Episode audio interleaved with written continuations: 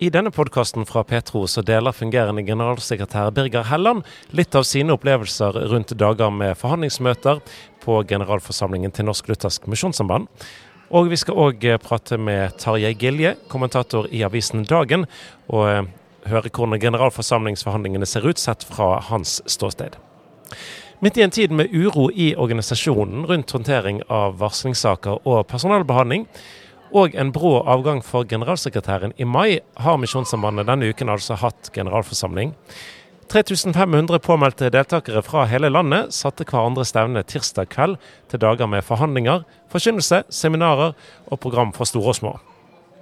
Fungerende generalsekretær Birger Helland setter pris på dagene sammen med misjonsvenner fra hele landet.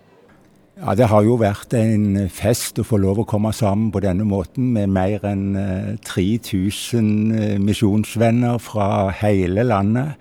Med flotte gjester fra misjonsfeltene våre som har bidratt så mye. Og med mye barn og unge. Det er jo bare en fest å få lov å møtes på denne måten. Og jeg syns vi har fått opplevd åndelig veldig gode møter, og vi har hatt respektfulle og gode samtaler om viktige saker i misjonen. Da jeg intervjuet deg rett før generalforsamlingsforhandlingene starta den dagen, eh, så var du spent på hvordan dette ville gå. Hvordan syns du det har gått med tanke på den uro i organisasjonen senere tid?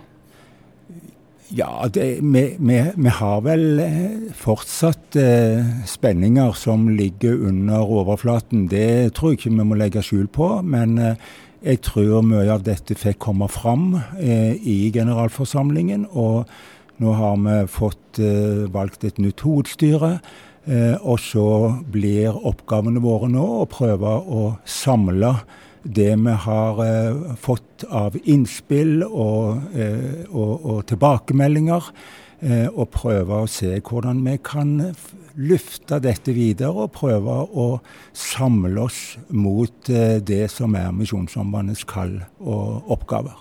Hvordan vil en jobbe med det på veien videre, av det du kan si så langt? Nei, nå skal jo hovedstyret først få konstituere seg. og det vil skje i, eh, i, det første ordinære hovedstyremøtet i september. Eh, og så er det jo da å prøve å samle opp av referater og inntrykk fra generalforsamlingen. Og så må vi prøve å, å noen, gjøre noen planer om hvordan vi skal ta disse sakene, ikke minst videre nå ut, eh, og få gjennomføre de satt ut i livet, ut i praksis. Vanligvis pleier jo hovedstyret konstituere seg med, med formann under generalforsamlingsdagene. Hva kan du si om grunnen til at det blir utsatt nå til eh, første møte deres i september? Nei, Jeg har ikke mer å si enn å vise til den uh, uttalelsen som jeg ga fra, fra, scenen her nå. Vi føler at vi trenger mer tid, og derfor har en utsatt uh, hele konstitueringen til første møte i september. Eh, så til et par saker som var på dagsorden disse dagene under generalforsamlinga i Misjonssambandet. Dere har behandla en sak rundt grunnregelendring. Det høres litt byråkratisk og tørt ut, kanskje. Men, men det er en sak eh, som handler om menighetstenkning og organisasjonsstrukturen til Misjonssambandet i åra framover. Deriblant at kvinner nå får plass i sentralstyret. Det blir oppretta et nasjonalt tilsynsråd av menn som skal ta seg av læresaker, eller hyrdeansvaret. Dette vedtaket som nå eh, fikk flertall på generalforsamlinga, og blir eh, fra neste periode, fra 2025 altså. Hvordan tror du at det vil virke samlende? For det er jo en sak der det har vært ulike meninger om i Misjonssambandet. Jeg tror for det første at det har vært veldig stor enighet om det grunnlagsdokumentet som ligger til grunn for disse grunnregelendringsforslagene. Dette spørsmålet om menighetstenkningen i misjonen. Eh, det er et veldig godt uh, utgangspunkt for å kunne uh, gjennomføre dette inn i vår struktur. Og så tror jeg på en måte vi har sett litt ulikt på hvordan dette kunne ivaretas på best mulig måte, særlig på nasjonalt nivå. Eh, hvor er grensesnittet mellom det som er eh, saker av læremessig karakter i forhold til sentralstyret og i forhold til det nasjonale tilsynsrådet. Eh, og så fikk vi et forslag om at skulle, det skulle utarbeides noen retningslinjer og avklaringer på det, som også fikk flertall. Og som vi tar oss med inn nå i gjennomføringen av dette vedtaket. Og får vi det på plass, så tror jeg dette faktisk vil være veldig samlende for mange. Og så er jeg glad for at det var såpass stort tillitsvotum som ble gitt til dette forslaget om grunnregelendringer. Det betyr mye i det videre arbeidet. Så En annen sak som var oppe på generalforsamlinga i Misjonssambandet, eh, det handler om misjonsstrategi. Nå ble det vedtatt en overordna, felles, kortfatta strategi eh, i noen få punkt, sju punkt faktisk, som en skal jobbe etter de neste ti åra. Hva betyr det med en sånn felles strategi for arbeid i Norge, utland, blant unge og, og alt arbeid? Ja, Det, det, det syns jeg var en veldig flott uh, samtale og debatt uh, som vi hadde rundt dette. For nettopp det å kunne samle alt om på en måte noen få ho hovedlinjer som vi vil uh, legge til grunn, både i utland, i Norge og ung, og ha en helt så samla forståelse av hva som er viktig, og hva som er våre prioriteringer nå framover. Det syns jeg var veldig, veldig flott. Og vi fikk så mange gode innspill, både på ting som de ønsket å justere og utdype. Eh, men det var jo en enorm samstemthet om eh, veien videre her i dette. Og så er det viktig å ta med at selv om dette nå er en overordna strategi, så er eh, den Veien videre består i å prøve å uteske dette i konkrete handlingsplaner på ulike nivå, enten det er i et misjonsfellesskap, i en forening eller i en skoleinstitusjon, barnehage, gjenbruk. Alle disse områdene våre. Og prøve å liksom lage dette konkret. Hva betyr det for oss? Eh, og gjøre det til noe som gjelder våre eh, liv og vår tjeneste i, i misjonen. Og så syns jeg at eh, får vi, får vi de på plass og kan på en måte få et eierskap til det, så tror jeg dette kan være med å gi oss et løft både lokalt, nasjonalt og internasjonalt. Eh, til slutt, Birger Helland, du sa litt om det i starten på praten vår nå. Men dette med det åndelige fellesskapet mm. på en sånn stor mm. samling som dette her med flere tusen mennesker. Ja. Der er bibeltimer, der er møter, der er sang og musikk. Der er lagt mye arbeid ned i nettopp den delen av arrangementet. Hva, hvordan har du opplevd den biten? Ja, Det må jeg si kanskje har vært noe av det aller sterkeste. Eh, å få lov å oppleve å få sitte ned her og lytte til Guds ords forkynnelse. Oppleve stillheten. Eh, oppleve eh, tilbakemeldingen i form av gjenklang i sangen. Eh, nei, en blir bare djupt takknemlig til Gud, som både har betrodd oss nådegavene som har stilt seg fram her, og for eh, det vi har fått lov å møte i, gjennom forkynnelsen. For det, det, er det som skjer ved forkynnelsen, som er det som eh, kommer til å bære varig frukt. Og det tror jeg mange av oss har opplevd disse dagene. Jeg står her med en redaktør i Dagen, Tarjei Giljev. Du er jo her i egenskap av eh, jobben din i avisen Dagen. Eh, du og flere kollegaer har fulgt eh, forhandlinger her og skrevet en god del på dagen.no og på papir. Hvordan, altså, hva sitter du igjen med nå etter noen dager hos Misjonssambandet på generalforsamling? Jeg tror det øyeblikket jeg kommer til å huske best, det var når det kom frem et forslag om å utsette saken om ny ledelsesstruktur. Eh, og Forslaget kom fra bl.a. tidligere hovedstyreleder Vegard Svendsen, generalsekretær Ola Tulluan, som var før Øyvind Aasland, eh, og flere andre med lang fartstid i organisasjonen. Eh, og de ble kraftig imøtegått. Det har vel aldri vært så mange kvinner på talerstol i en debatt på generalforsamlingen i Misjonssambandet noensinne. Og du så både at her var det mange kvinner som var opprørte, dette syns de ikke noe om. Og i tillegg òg at, at forsamlingsgreien markerte seg skarpere enn før med å si at hallo, utsette, vi jo allerede langt på overtid, nå må vi få gang i sakene. Og forslaget falt jo med et solid flertall. Det gjorde det, og dermed så ble det altså eh, vedtatt en strukturendring som eh, eh, innebærer bl.a. at eh, kvinner nå kan komme inn i Da skal hovedstyret skifte navn til sentralstyret, men kvinner skal altså få komme opp i det øverste organet. Så det opprettes et nytt organ som skal ta seg av åndelig tilsynsbiten og teologien oppi dette her. Men hvilken betydning tror du at det vedtaket vil få for Misjonssambandet i år framover? Egentlig så er utgangspunktet for endringen at uh, det som tidligere var bedehusforeninger, mer og mer har blitt forsamlinger, egentlig blitt mer og mer kirker. Flere her kaller seg jo pastorer.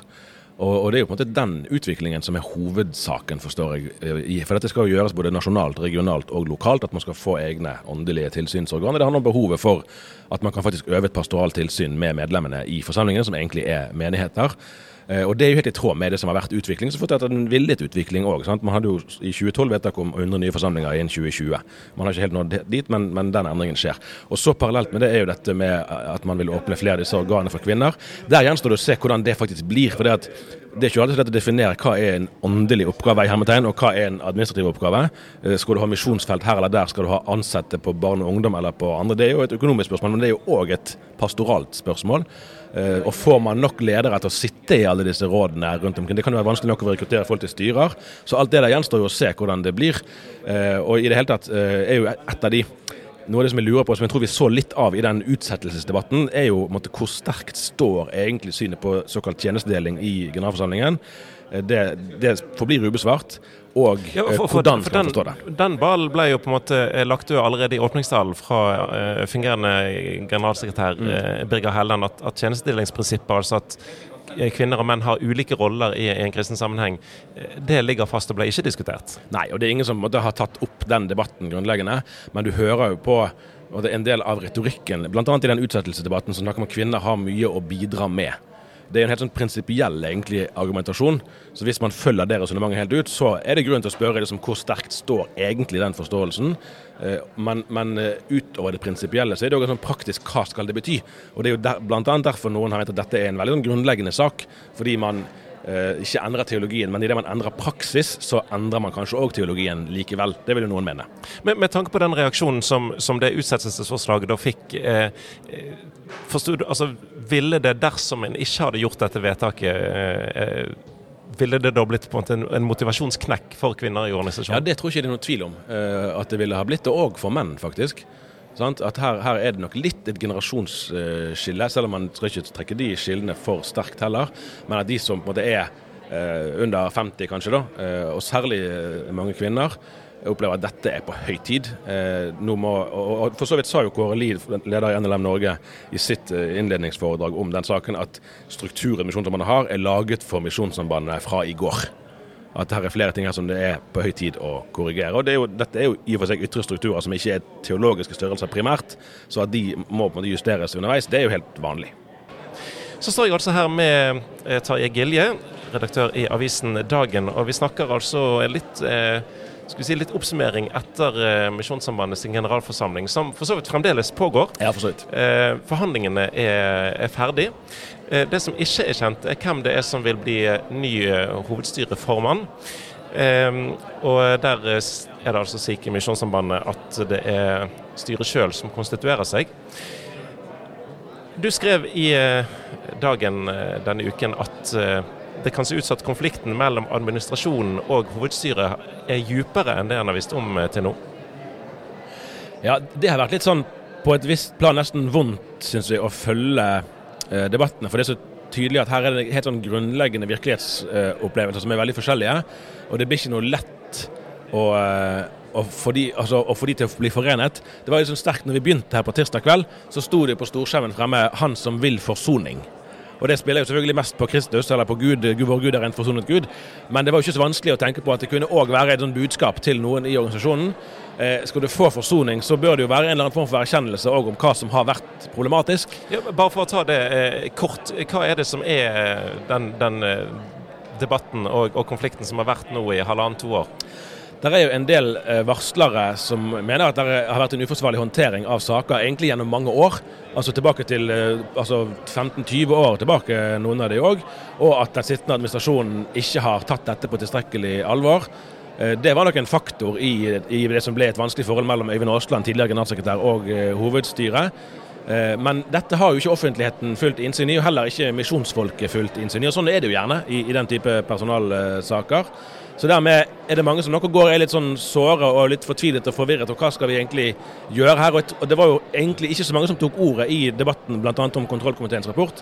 Kanskje bl.a. et uttrykk for at man ikke helt vet hva man skal si. Og her, hvis jeg må velge mellom stole på den eller den, ja, men det vil jo være venner med begge to.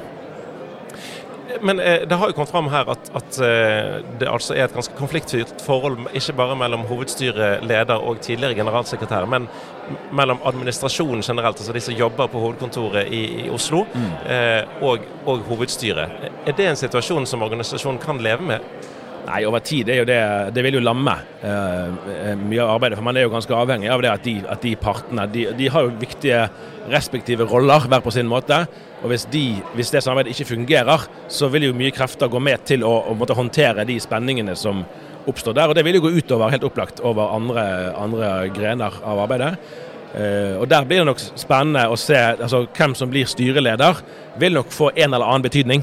Eh, for, for, det der. Og så har hovedstyret sjøl òg vært eh, åpent eh, splittet, i hvert fall i saken om Øyvind Aasland sin avgang. Det er helt uvanlig at et mindretall gikk offentlig ut og fortalte at de ikke støttet avtalen. Da skjønner du at det er alvor. Da, da har det virkelig brutt på dypt vann. Det kom jo frem òg i debatten her, når styrets nestformann tok ordet og egentlig kommenterte og korrigerte nærmest formannen sin egen innledning. Nå er det, Når vi står og snakker eh, nå, så, så vet en ikke hvem som eh, skal bli eh, leder for hovedstyret i, i Misjonssambandet. Hvor stor betydning kan det få hvem det faktisk blir, eller betyr ikke det så masse? Jo, det kan få veldig stor betydning. og der, Det er jo interessant å tenke på at altså, Raymond Byland, som har vært formann, for en del av varslerne, så er nok han den de virkelig har satt sitt håp til. Den som de opplever at han har tatt oss på alvor. Han har prøvd å forstå, han har lyttet. Mens for, for administrasjonen eksempel, en del der, så er nok han det motsatte. Han er virkelig den som har kludret det hele til. Eh, og at hvis han blir eh, gjenvalgt, da, eh, ja, da skal det sannelig bli spennende å se hva som skjer med sentrale ansatte på hovedkontoret. Ja, betyr det at, at, denne konflikten kan på en måte uansett utfall fortsette litt? Ja, Det tror jeg den vil, for så vidt uansett. For det er så mye som er uavklart. sånn at den som blir formann, og alle de som er i det nye hovedstyret, må nok bruke en del tid de kommende årene på å prøve å, å finne sammen igjen og lege sår og skape forsoning der det er mulig. Men utgangspunktet for den jobben vil jo være veldig forskjellig for de ulike de mulige kandidatene til å bli formann. Nå har vi snakket en del om eh, tingene har vært uenige om. Eh, så har det jo vært dager her med, med, sol og med masse folk, og med ganske god stemning generelt, egentlig. Eh, 700 barn har vært på barnemøter. Eh, hvordan, eh, hvordan, ser det ut fra din synsvinkel? Er Misjonssambandet en, eh, si, en synkende skute og, og med der det vil være veldig masse færre om ti år, eller er det en organisasjon med en framtid? Det tror jeg nesten det er for tidlig å si. Altså, det, er jo mange færre misjonærer for eksempel, nå enn det var for en del år tilbake. Eh, så, så liksom volumet samlet sett er nok mindre enn det var. og det, Den utviklingen er det vel rimelig å anta at vil fortsette.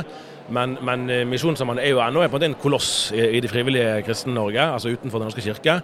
Eh, og det vil nok fortsatt være situasjonen.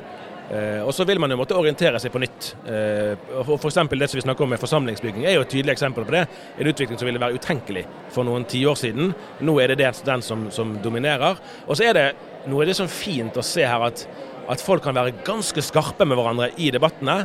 Men de som gjerne er deltakere der, står òg på scenen og synger.